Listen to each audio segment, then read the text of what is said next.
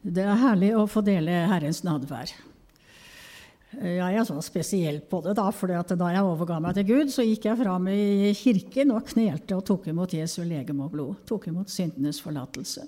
Og Han som er alle menneskers frelser. Det er eh, veldig. Det er veldig. Han ga seg selv. Amen. Altså, hallowinia. Ja, jeg er bare helt med. Jeg var en tur På de tider så var jeg en tur innom Europrisbutikk i Drammen. og og gikk omkring og kikket, og plutselig så bare var det en sånn eh, boks som åpna seg, og så var det en sånn djevel som reiste seg altså, og sa uhu, eller noe i den stilen der. Altså, jeg fikk helt sjokk, jeg. Ja. Men så tenkte jeg Jesu navn. Jesus har seiret. Men det er noe med å vende barna til, eh, til altså vi er jo vi er frelst. Han har tatt oss over fra mørket og inn i sitt underfulle lys. Som vi har sunget om. Det er det det gjelder. Og så virker det som det er snakk om å vende barna og alle andre også til mørket igjen. At mørket er ikke så farlig, og er egentlig snilt og alt mulig sånn. Men intensjonen er god. Det er det som gjør det så veldig vanskelig. Men vi vet på hvem vi tror. Vi vet på hvem vi tror. Det er han som er lyset. Det er han som har seiret over alle store og små djevler, og selve djevelen selv. Seiret. Det er fantastisk. Satt oss over fra mørket. Ja, jeg sukket i ud og, og forhørte meg litt i dag, da. Og da syns jeg jeg ble minnet om jobb. Og det er et sted i jobb som jeg har prekt faktisk flere ganger. Vanligvis så preker jeg ikke flere ganger over det samme. Altså, det, Herren har noe for alle steder. Men det er et sted i jobb som jeg har eh, pre, blitt minnet om ganske mange ganger. Og jeg tror jeg til og med har prekt det her. Og derfor så begynte jeg liksom å diskutere litt svakt da, med Herren. Men da jeg slo opp og, og, begynte å se, så så jeg at ja, men det er noe foran her, og det er noe bak der som jeg skal trykke på denne gangen. Nå skal vi ikke ta det på skjermen enda, for jeg skal lese litt frem og tilbake. Og så litt sånn pedagogisk at uh, jeg leser litt sånn pedagogisk, da. sånn at ikke dere automatisk ser fortsettelsen. Men altså, det er jo om jobb, og vi vet jo om uh, jobb, de fleste av oss, da, hvordan han uh, vandret. Altså, han var et veldig bra menneske. Det er ikke til å komme forbi. Og det er jo mange bra mennesker nå for tiden også. Og han var så bra, vet vi, at uh, Gud sa til Satan, 'Har du sett min tjener jobb?' Altså hvordan han lever rettferdig i alle ting. Så, men så vet vi jo, det står skrevet i Det nye testamentet Jesus sier det, at djevelen han har krevet å få sikte dere som hvete. Og hvorfor det? Altså, der, Gud, og, og, Gud tillater det, men Gud og Satan har hvert sitt prosjekt med det. da. Satans prosjekt er jo å få oss til å falle og til å bevise at vi er fortapt, og så han kan dra oss ned i mørket sitt en gang for all evighet. Og Guds prosjekt med det, det er eh, å stå med oss i prøvelsen, og så vise oss eh, enda tydeligere veien. Vise oss enda tydeligere at det er bare én vei inn i frelsen, og det er Jesu Kristi rettferdighet. Rett og slett. Han er vår rettferdighet. Som mennesker så er vi ikke rettferdige, uansett hvor eh, snille og greie og positive vi er. Og det er, jo en, altså, det er jo så aktuelt i vår tid med så masse bra mennesker. Og det har vært aktuelt eh, helt, fra, helt fra syndefallet. Hvordan ikke sant? Vi mennesker strever for å vise at ja, men vi er da sannelig bra nok. Og nå får Gud sannelig være fornøyd med oss. Nå får han sannelig være fornøyd. Og hvis han ikke er fornøyd, så er det verst for han. Da vet vi ikke om vi bryr oss om å gå med han, altså, siden han er sånn. Men nå skal vi ta, Det er fra jobb 32, da. Men ikke ta det på skjermen ennå. Men det er der. Og vi vet jo at, er, vi vet jo at djevelen han, ble, han fikk tillatelse til å eh, plage Jobb forferdelig, ta fra han alt han hadde, og, og, og, og, så slo han med sykdom og forferdelige byller over det hele. Så han satt jo bare i asken og skrapte seg med potteskår, og det var helt forferdelig. For, og, vi vet at kona hans sa til han at hør her, dropp det der med Gud, du bare du ser hvordan det er. Men han holdt fast ved Herren. Og så kommer de tre vennene hans som hører om hvor vondt han har det. Og det er jo kjempepositivt at vennene kommer for å trøste. Og det står, det har ikke jeg sjekket nå, men altså de satt, jeg tror de satt en hel uke hos han, ja. Medlidende uten å si et ord. Det skal mye til. Ja, Men så greide de ikke mer. Så er den menneskelige tendensen er jo det at ja, men det må jo være en grunn. Det må jo være straff fra Gud. Det må jo være for det, det, det må jo, Han må ha gjort noen ting som gjør at han fortjente dette her. her. Og det er jo sånt som mange syke mennesker har fått høre. Og du har ikke tro nok. Det er fordi at ditt trosliv ikke er som det skal være, og det er sånn og det er sånn. Grusomt for den som allerede er syk og har det vondt. Og disse vennene holdt på med det. Eh, og det står utførlig om disse tre vennene. Men så, når de har holdt på ganske lenge, så står det jo om Elihu, som er en ung mann. Og det syns jeg var litt morsomt i dag, da, når vi har eh, den yngre generasjon som eh, står for dagen her. Og, og både leder og, og, synger og tar seg av møtet. For da, da skal vi lese litt om denne unge mannen som heter Elihu. Og Det står at han stammet fra Bus og var sønn av Barakel av Rams ett. Men så står det om han at han, han ble harm på jobb, står det. Hvorfor ble han harm på jobb? Han ble sinna på jobb, altså. Ja, men der satt stakkars jobb, altså, med byller over det hele, og hadde det bare aldeles forferdelig. Hvorfor ble han eh, ergerlig på jobb? Det står videre her fordi jobb holdt seg selv for å være rettferdig for Gud. Denne unge, unge mannen, altså, han tok seg til rette på en måte. Og bare sa og, og bare kjente altså et sinne over det at Jobb tillot seg å, å, å holde seg selv rettferdig for Gud. Og Det står at han også ble sint på Jobbs tre venner fordi de ikke fant noe svar, og likevel dømte Jobb skyldig. De hadde ikke noe svar, de bare fordømte han. Påsto alt mulig. Men så står det om Elihu, og det er jo eh, vakkert. Eh, om den unge generasjonens forhold til den eldre generasjon. Jeg hører med til sistnevnte generasjon da. Elihu hadde ventet med å tale til jobb fordi de andre var eldre enn han av år. Men da Elihu så det, at de ikke hadde noe svar, da ble han eh, sint. Og Elihu han sa, 'Jeg er ung av år'. Og så sa han til disse andre, og til vår oss eldres generasjon Altså, jeg er ung av år, og dere er gråhåret. Og derfor holdt jeg meg tilbake og turte ikke si fram for dere hva jeg vet. Jeg tenkte, la alderen tale og de mange år forkynne visdom. Og så kommer han med et visdomsord.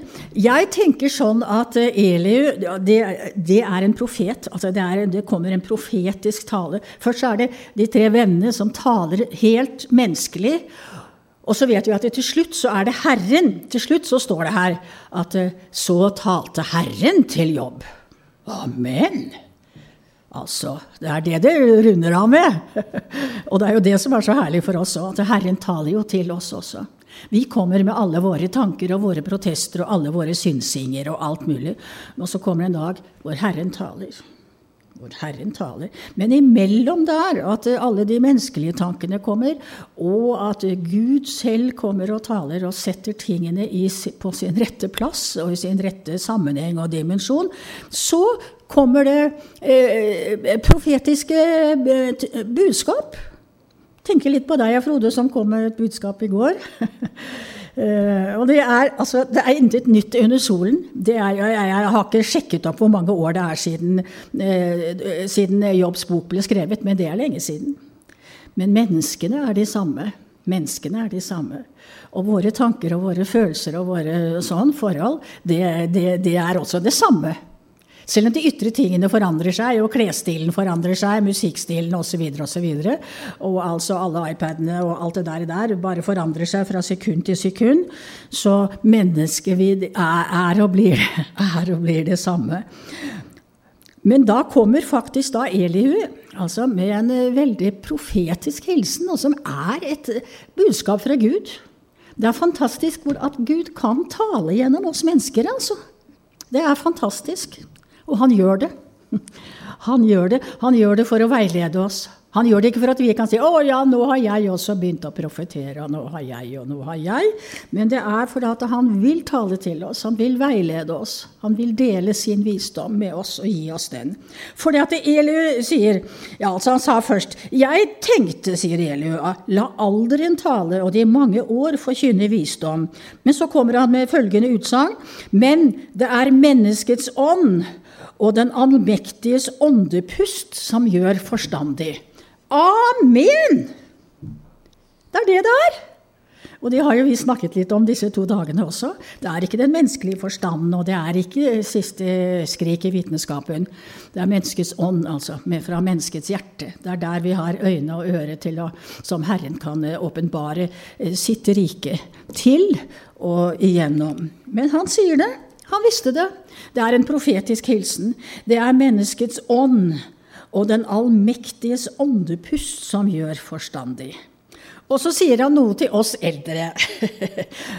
Uh, han sier ikke at vi alltid liksom ikke skjønner det, men han sier at det er ikke alltid at vi De gamle er ikke alltid vise. Nei vel, vi tar det til oss. De gamle er ikke alltid vise. Ikke alltid forstår oldinger hva som er rett. Derfor sier jeg, sier Elihu. Og da skjønner vi at han reiser seg opp i Den hellige ånd, rett og slett. altså. Derfor sier jeg, hør nå på meg.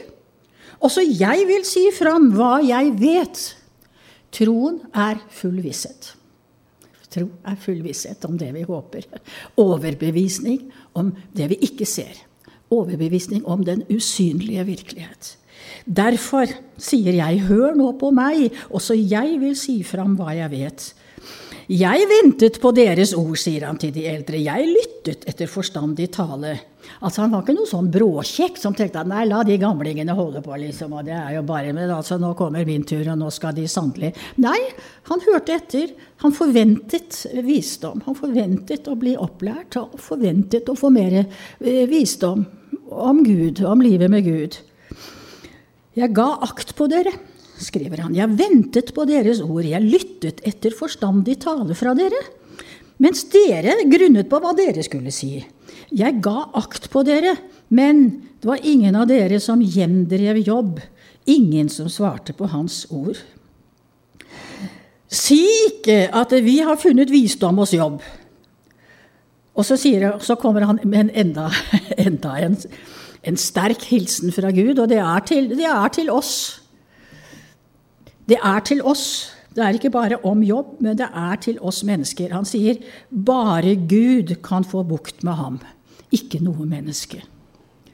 Og det skal vi huske på, altså.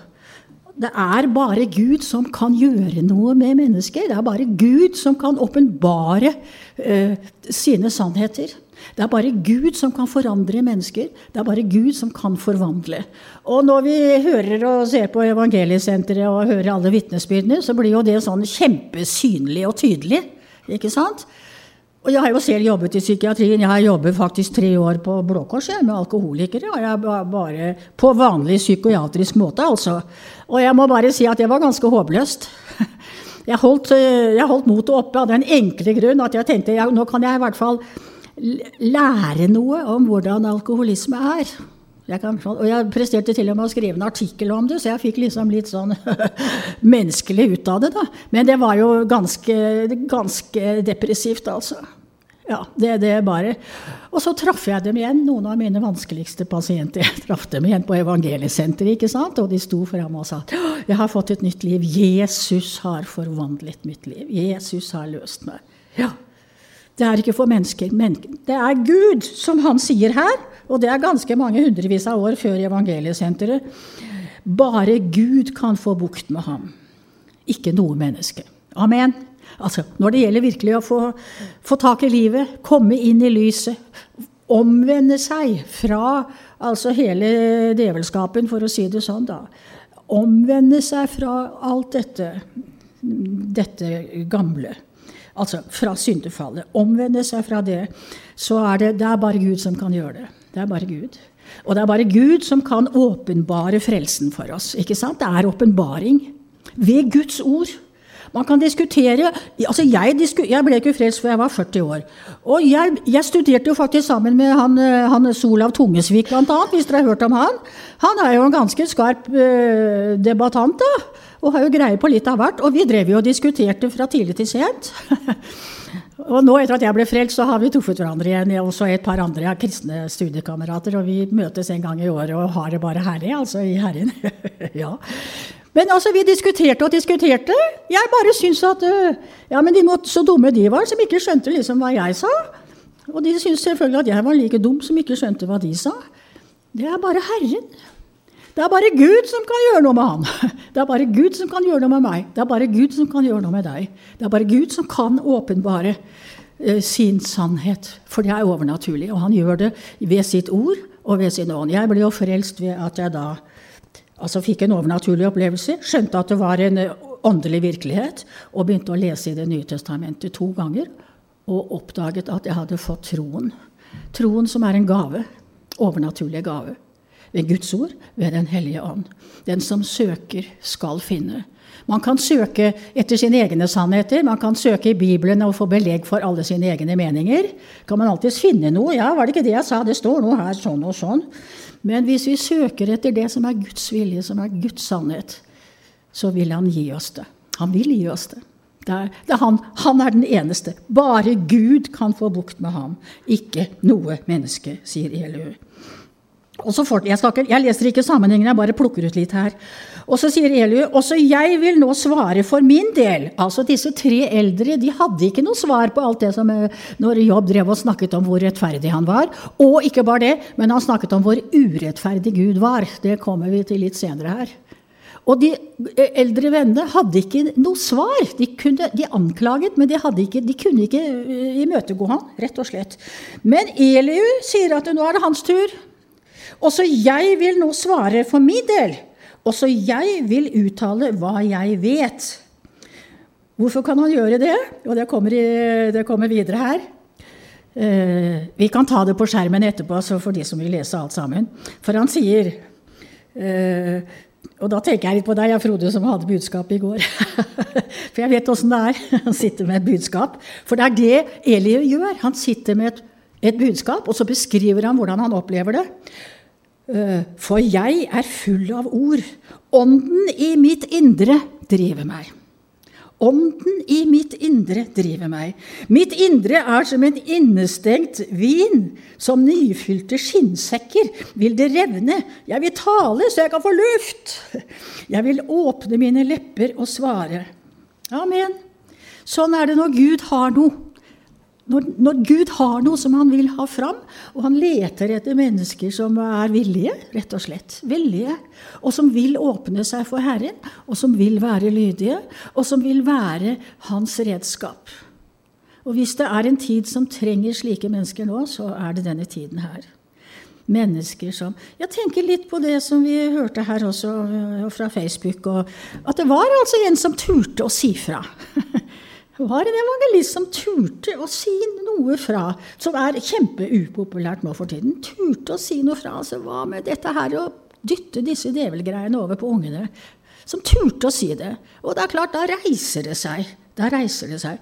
Men Herren i denne tid han ser etter både unge og gamle og middelaldrende mennesker som er villige villig til å ta imot fra Han, til å bli fylt av Den hellige ånd, og til å bli fylt av Guds tiltale, og villig til å komme ut med det. Gi det ut. Så får Herren lede når og hvor og hvordan det skal skje. Det er en annen sak. Men én ting er sikkert, Eliu var på rette plassen, på rette sted. Det er helt sikkert. Altså, jeg er full av ord, ånden i mitt indre driver meg. Mitt indre er som en innestengt vin, som nyfylte skinnsekker vil det revne. Jeg vil tale så jeg kan få luft. Jeg vil åpne mine lepper og svare. Og så sier, også, og, og, så sier han, snakker han videre på en måte som gjør at vi skjønner han holder ikke på i kjøttet, altså. Det er ikke sånn menneskelig at ja, nå er det sannelig, nå skal sannelig jeg nå skal jeg vise liksom at ja, og jeg skal snakke disse gutta her til rette, og nå skal de bare skjønne at jeg er alt det jeg er. Det er ikke sånn det er. Altså, når Ånden taler, når man har åpnet seg for Ånden og vet at det er Den hellige ånd, så, så, så, så forsvinner sånt noe, altså. I hvert fall i en stund. Så er vi ute av det igjen, og da kjører, er kjøttløpet da buljong og uh, ja, kjøtt- og fleskesentralen, som en av mine venner pleier å si. Jeg tenker litt på profeten Elias, som sto oppe på Karmelfjellet, ikke sant? Og i den åndens kraft, altså. Ikke sant? Full seier! Og det var i salvelsen. Sånn har jeg tenkt det. Han var i Guds mektige salvelse. Men når han gikk ut av salvelsen, når liksom eh, mandagen kom, da var det ikke mye autoritet å, og tro igjen. ikke sant? Når jeg vil heller dø, ikke sant? Ja. Når motstanderen reiste seg, altså djevelen reiste seg, altså Jesabel liksom 'Nå skal vi ta han der Elias.' Da, da, da var det ikke mye autoritet og myndighet igjen. Og det sier meg altså Det er snakk om salvelse. Det er snakk om Den hellige ånd. At Den hellige ånd får komme frem med sitt, og at Den hellige ånd får bruke oss. Og at da vet vi da er det Den hellige ånd, da er det ikke meg, og er sånn, da er det Faderen som i sin store barmhjertighet vil meddele Guds barn noen ting, noe som vil meddele, si fra til mennesker. Lede dem på den rette veien, rett og slett. Bare Gud kan gjøre noe med oss. Men med mennesker nytter det ikke. Men han sier i hvert fall da 'Jeg vil ikke ta parti for noen'. Det var ikke verst. De fleste som sier noen ting og skriver noe, de tar jo noe voldsomt med parti. Jeg vil ikke ta parti for noen. Og, og så kommer neste, og da bare sier jeg amen, altså. La, at, la det bli noe for oss. Jeg vil ikke smigre for noe menneske, sier han. Vi tar det til oss. Vi tar det til oss. Den hellige ånd smigrer ikke. For det er en menneskelig måte liksom å få innpass og liksom I like you og mange likes ikke sant, på eh, sånn. Eh, smiger. Jesus smigret ikke noen. Han tok ikke imot smiger heller. Jeg tar ikke ros av noen, sa han. Noe menneske. Nei. Han visste hvem han var, han visste hva sannheten var, og han visste hva som var hans kall. Og Eliu sier det samme. Jeg, ikke, jeg vil ikke ta parti for noen. Jeg vil ikke smigre for noe menneske. For å smigre, det forstår jeg meg ikke på, sier han. Det er Den hellige ånd som ikke forstår seg på å smigre. Ja. Gjorde jeg det, da kunne min skaper lett rykke meg bort. Det er en gudsfrykt altså, til å ta til etterretning. Til å ta til, altså. For, for Gud tåler ikke noe av dette tåler ikke noe av dette. Det er ikke det at vi dør hvis vi skulle begynne å smigre og smiske med noen for å få oppnå noen ting. Kanskje oppnå litt lydhørhet for evangeliet.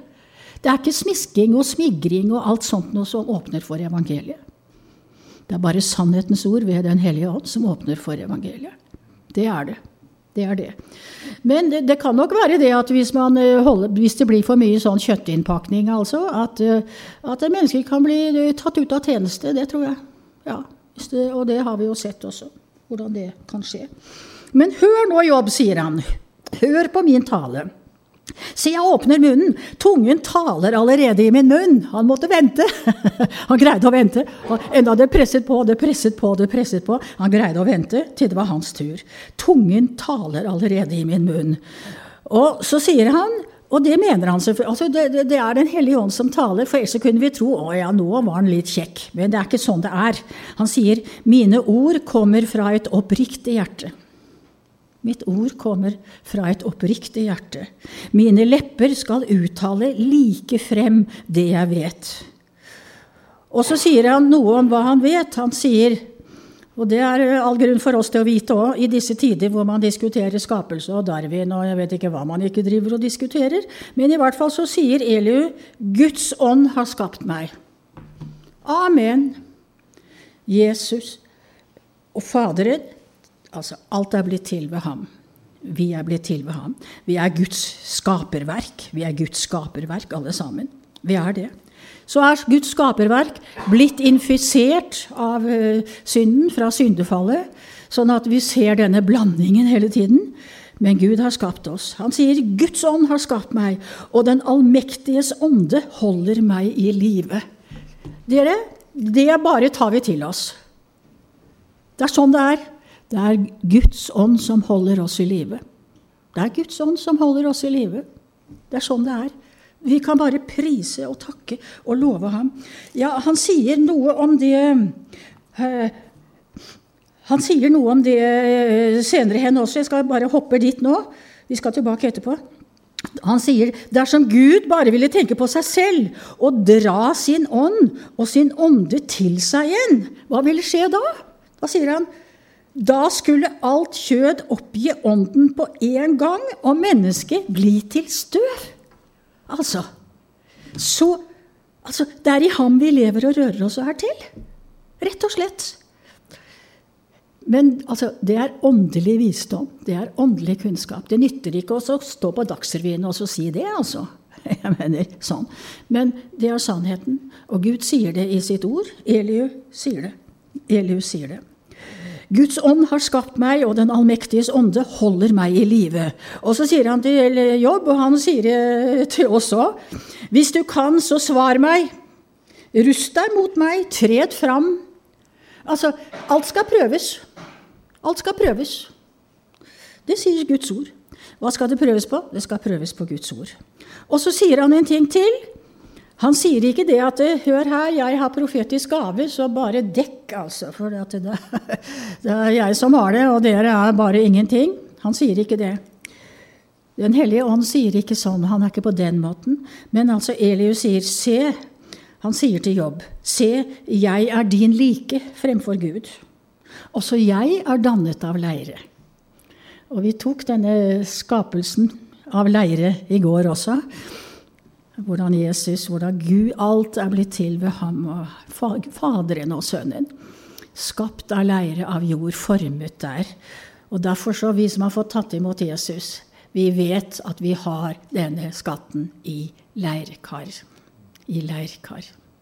Vi er skapt av leire, dannet av leire. Jeg er din like for Gud, også jeg er dannet av leire. Redsel for meg, sier han til Jobb, det skal ikke skremme deg. Og min myndighet skal ikke, uh, ikke tynge deg. Men så begynner konfrontasjonen. Og sånn er det det er. Sånn er det med Jesus. Og sånn er det med Herren. Altså, når han konfronterer oss, og det gjør han, for det som vi har vært inne på tidligere, Guds vilje for oss, det er ikke at vi alle skal ha tre eh, Ferrarier hver og kan liksom i forskjellige farger og velge og vrake og hygge seg med mange ting, jordiske ting. Men eh, Guds vilje for oss, det er vår helliggjørelse. Det er vår helliggjørelse, det. Og er det bare helliggjørelsen? det er vår helliggjørelse. Tenk på det. Å bli likedannet med ham. Og da Jeg leste det akkurat her om dagen. Jeg husker ikke akkurat hvor det står, men det står at, at eh, når vi ser i ham sant, som et speil, så blir vi likedannet og forvandlet til hans bilde. Og speilet er Guds ord, vet vi. Ja, I Den hellige ånd. Blir likedannet med hans bilde. Det er helliggjørelsen. Det er det. Og, og fordi det er det som er altså At Guds kjærlighet viser seg på den måten han kunne jo bare tenkt ja, ja, nei, de der leirfolkene der, de får jo bare sånn. Nei. nei. Han sendte sin sønn til frelse. Og han, han, lengt, han, lengter etter én ting, og det er vår helliggjørelse. At vi skal bli likedannet med sønnens bilde. Det er Guds kjærlighets sterkeste ønske. Det er det han vil. Og derfor da kan han bruke både mennesker, og han kan bruke situasjoner, og han kan bruke profetisk tiltale. Og fremfor alt bruker han jo sitt ord, men han kan bruke profetisk tiltale. Og det er det han bruker Eliu til her, i forhold til jobb. Og da blir jobb konfrontert, ikke med løse rykter som svirrer omkring, men han blir konfrontert med hva han helt konkret har sagt, som Elius har hørt at han har sagt. Det er ikke noe oppkonstruert, det er ikke noe rykter. Å, ja, 'Jeg har hørt så mye om deg.' Ja, det, Nei, derfor så sier Eliu Sannelig, du har sagt mens jeg hørte det, sier han. Og det er en veldig god regel altså hvis det er sånn at Herren virkelig legger på altså at nå skal vi hjelpe noen til å få se realitetene litt bedre om seg selv. Da er det ikke løse rykter vi holder på med, men da er det bare snakk om å vise i et speil hva, hva, hva de selv har sagt til oss, hva, hva vi har hørt, hva vi har sett og hørt, rett og slett. Ikke for å ta dem, men for å hjelpe dem videre. Hjelpe dem videre. Sannelig, du har sagt, mens jeg hørte det, slik lød ordene dine som jeg hørte. Du har sagt, ren er jeg, uten skyld. Plettfri er jeg, og fri for misgjerning. Det er ikke verst. Men du kan si det er religiøsiteten. Ja, altså jeg er kristen, og, er, og jeg har aldri drukket meg full noen gang. Og jeg har i det hele, og ikke har jeg horet så veldig mye at det gjør noe heller. Jeg mener Vi kan liksom holde på med det og ramse opp. Ja, Og sier 'jeg er ren'. Ja, jeg er ren. Jeg har ikke Og Jobb hadde, han hadde sine ord i behold. For det står det jo beskrevet tidligere i jobb at han levet et rettferdig og skikkelig og ordentlig og fint liv. Han, han gjorde det. Han gjorde det. Men så kommer altså Den hellige ånd og bare konfronterer han med det og vil si noe om det. Og Først konfronterer han med hva han mener om seg selv, og til og med har sagt det høyt, sånn at uh, Elio har hørt det. Sannelig, du har sagt, mens jeg hørte det, slik lød ordene dine som jeg hørte, ren er jeg, uten skyld, plettfri er jeg, og fri for misgjerning. Og så kommer det neste som han har hørt uh, Jobb har sagt. Og det er, altså Da kan vi si ja, der var Jobb dum, og så dum er ikke jeg. Men altså, det er egentlig Salme 73 på nytt, som vi tok på fredag. Ikke sant? At eh, man kommer med anklager når ikke tingene går sånn som vi vil. Når, eller når vi møter lidelser og motgang og jeg vet ikke hva, så kommer liksom anklagene mot Gud. Altså, hvorfor gjør han sånn med meg? Dette er urettferdig. Jeg som ja. For der fortsetter Elio, altså. Du har sagt mens jeg hørte på, Ren er jeg, uten skyld, plettfri er jeg, og fri for misgjerning. Men Gud søker grunn til fiendskap mot meg. Han akter meg for sin fiende. Han setter mine føtter i stokken og vokter på alle mine veier. Det er Jobbs anklage mot Gud. Først hvor rettferdig han er selv, og samtidig hvor urettferdig Gud er mot ham. Altså, Vi sier det ikke så direkte, men det er vel sånne tanker som kommer når livet går oss imot, og når ikke tingene gikk, og ikke vi får de bønnesvarene som vi syns vi har krav på, rett og slett. Og vi sier ja, men du har sagt at alt vi ber om, det skal vi få. Og, og Gud, det, du er sånn, og du er ikke sånn som du skal. og Vi sier det ikke direkte, men det, vi, vi, kjenner oss igjen alle. Ja, i hvert fall jeg kjenner meg igjen. Og på seg selv kjenner man andre. Ja, Jeg holder meg til det. Og da svarer, da svarer Elu. Han svarer rett ut. Nei, svarer jeg deg, sier Eliu. Han bare sier det rett ut. Jeg kan si hvor jeg er nå. Jeg er i Jobbs bok 33, og så dette er vers 12. Dette er vers 12. Nei, svarer jeg deg, i dette har du ikke rett. Og så kommer han med en veldig enkel, klar beskjed, en påstand som er så sant som det går an. Og det er det som står videre, siste delen i vers 12. Gud er jo større enn et menneske. Tenk om vi kunne ta det helt inn. Vi behøver ikke å begynne å diskutere Altså, jeg, jeg diskuterte bitte lite grann med Herren i dag, jeg, altså, når jeg ba til Gud om budskapet, og han sa jobb, og jeg bare Ja, men det har jeg prekt der før! Det var nesten så jeg gikk opp til, til Arvid for å spørre. Ikke sant at jeg har prekt det før? Her. Nå regner ikke jeg med at folk husker alt jeg har prekt, jeg må jo si det òg, da. Men, eh, men det, altså, det, er så nær altså, vi, vi, vi, liksom må eh, diskutere litt, altså. Diskutere litt. Grann. Nei, svarer jeg deg, sier Eliu. I dette har du ikke rett. Gud er større enn et menneske. Hvorfor går du i rette med ham? Hvorfor går du i rette med ham? Så kommer det avsnittet som jeg har prekt om før, og som ikke vi skal ta nå. Men det er en mektig melding om hvordan Gud frelser mennesker til og med på dødsleiet, når når de bekjenner sin synd innenfor Gud og blir tilgitt og frelst og kan begynne å juble. Når de er på vei sekunder før de skal ned i avgrunnen ved døden, ved, ved, ved alvorlig sykdom. Det er, et, det er avsnitt om det. Og hvordan, når de da, Er det da en engel hos ham, står det her. Bare ta det veldig kort. En tolk. En som forkynner livets ord. Da da, da, tilgir, da tilgir Gud. Da sier Gud 'jeg har fått løsepenger'. Og så kommer bekjennelsen om at han har syndet og gjort det rette kroket. Og så kommer, og så kommer frelsesgleden. Han har fridd min sjel fra å fare ned i avgrunnen. Det er skutt inn her. Men det, vi, det, kan, det, er, det er, en bibeltime som ikke jeg skal ta akkurat nå. Jeg tror jeg har tatt det før. Men jeg kan ikke annet enn å nevne det. Men så etterpå så fortsetter Eliu og sier, gi akt jobb. Hør på meg. Vær stille, så jeg får tale. Det er en melding, kjempemelding til oss kristne òg. Altså, vi driver og ber og ber og ber og ber, og ber, syns at det er noe sånn. Så sier bare Herren, vær stille, så du hør hva jeg taler. Hør, så du får høre hva jeg taler. Vær stille. Vær stille innenfor Herren. Og det er jo flere måter å være stille på.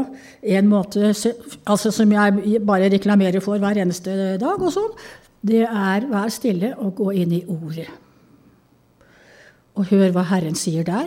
Men det er jo også sånn at uh, mine får høre min røst, sier Jesus. Så det er altså det at vi har våre stille stunder, og at når vi da Hvis det er noe, enten det er godt eller vondt, eller det er noe vi lurer på, så er det også å være stille og sykke til Gud og be Han om å veilede oss. Og da gjør han det. Da vil vi kunne få høre. Han vil, han vil gi oss tanker, ikke sant? Vi, vi, som har levd med Herren lenge, vi vet det. Han kan gi oss tanker. Og da merker vi bare at det er tanker som som er annerledes enn våre tanker. Som er på en måte De er, de er kledd i silke, altså.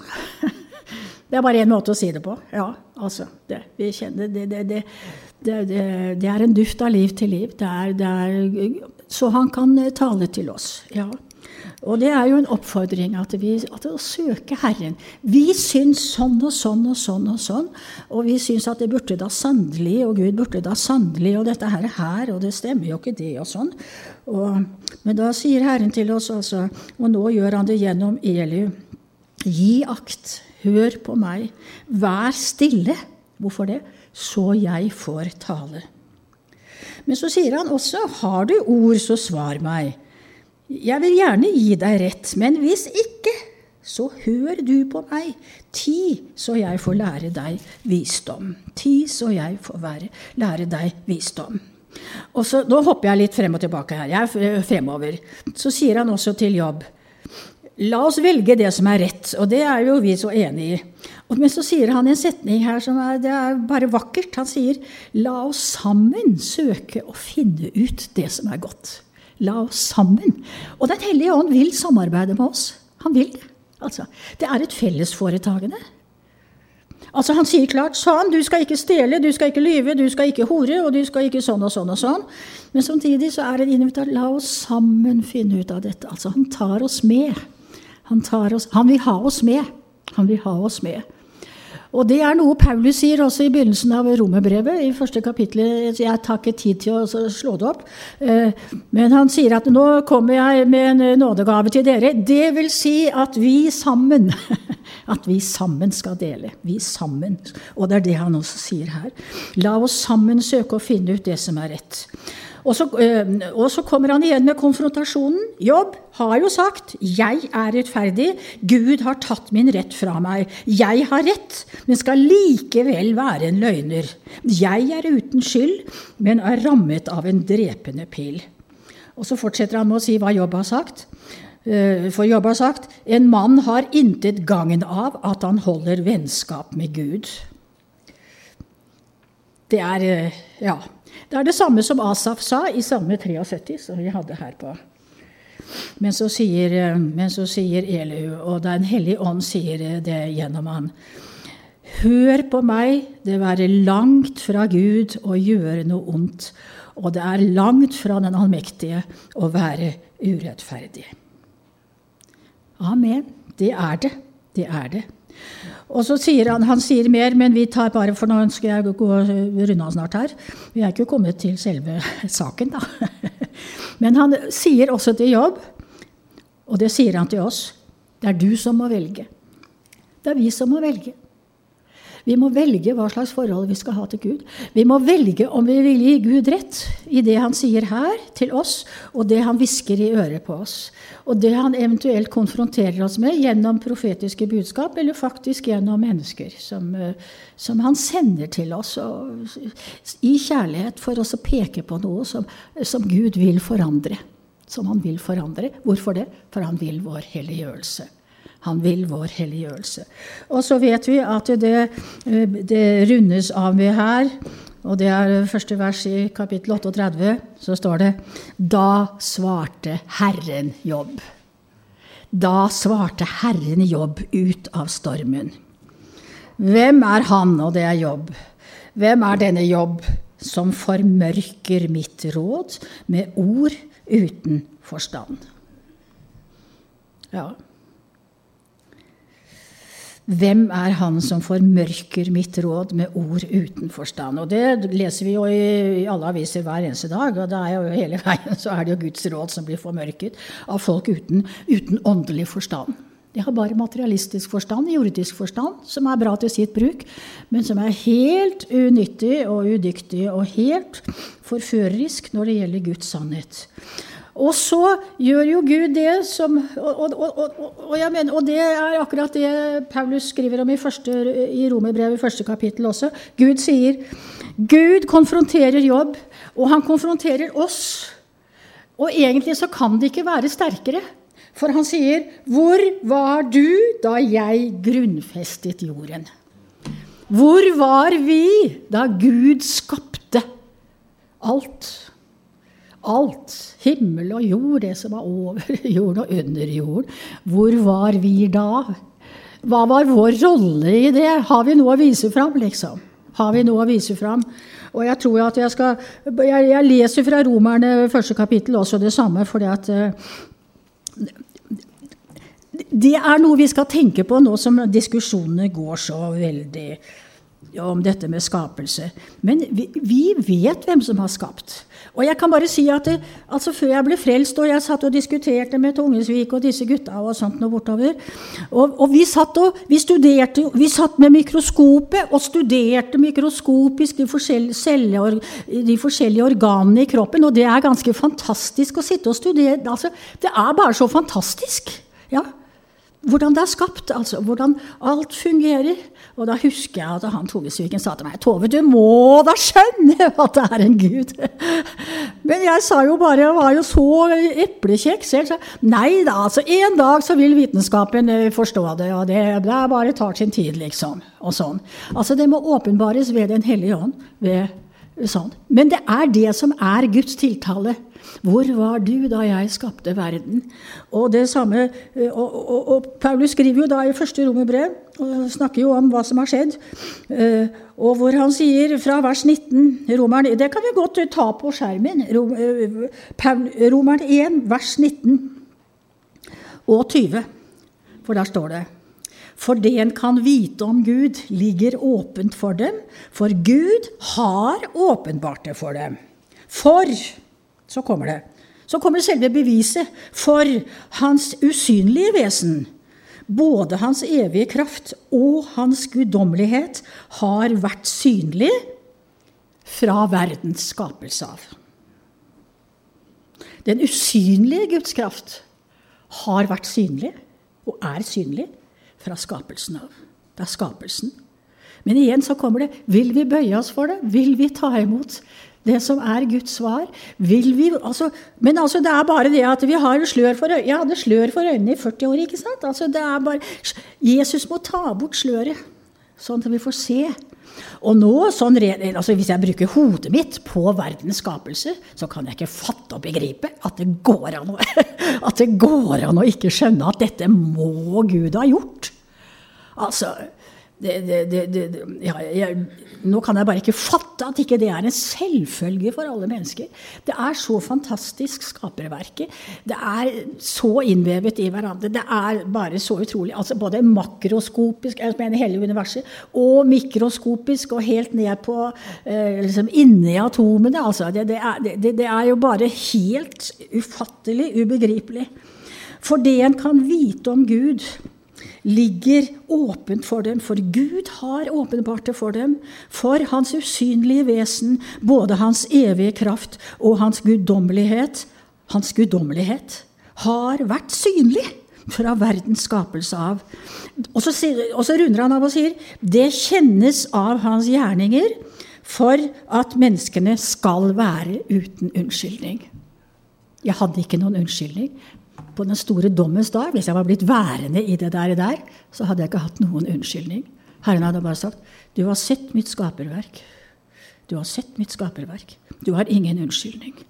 Men det som er med jobb, og som jo er egentlig selve selv, altså, Forutsetningen er jo å tro på Gud. Men så vet vi at det er mange som tror på Gud uten at de er frelst. Og det er jo der Jobbs problem lå Altså, Han syns han var rettferdig nok. Og det er det jo masse mennesker som syns. Og det syns egentlig jeg òg, for jeg var ganske skikkelig. Jeg må bare si det, altså. Jeg bare sier at jeg har, fått god oppdragelse og, og, og sånt noe. Så jeg mener, jeg har jo sånn stort sett jeg, Litt epleslag ble det og sånn, men jeg mener altså, jeg har oppført meg. Men vi vet Intet menneske er rettferdig. Og Guds ord sier det. Alle har syndet. Alle. Ingen har del i Guds ære. Og vi vet at det er bare én eneste grunn til at vi kan være rettferdige, og det er at vi har gjemt oss. At vårt liv er skjult med Kristus i Gud, i Han som er vår rettferdighet. Jesus er vår rettferdighet. Jesus er vår helliggjørelse. Jesus er vår forløsning. Jesus er vår visdom fra Gud. Og Derfor er ropet og kallet 'Kom til ham'. Kom til meg. Alle dere som strever både med å være rettferdig og vellykket osv., videre, og som har masse å bære på. Kom til meg, alle sammen, og jeg vil gi dere hvile. Det er hvilen i Guds rettferdighet. Det er hvilen i Guds forløsning. Det er hvilen i det rensende blod som vi har blitt minnet om i dag, det er hvilen i Han som ga seg selv for oss, brødet. Og det er så sterkt med Emmaus-vandrerne at når, Jesus, når de ikke kjente igjen Jesus, hvordan kjente de han igjen? Da han brøt brødet. Han brøt brødet og ga dem. Så dette er mitt legeme som gis for dere. Og vi har fått ta imot, og vi kan bare fryde og glede oss. Og vår bekjennelse er Jesus Kristus er min rettferdighet. Jeg er frelst av bare nåde. Jeg er tilgitt av bare nåde. Jeg har del i Guds rike. Jeg har del i Guds herlighet allerede nå i Jesus Kristus. Og en dag så skal vi få se ham sånn som han er. Amen.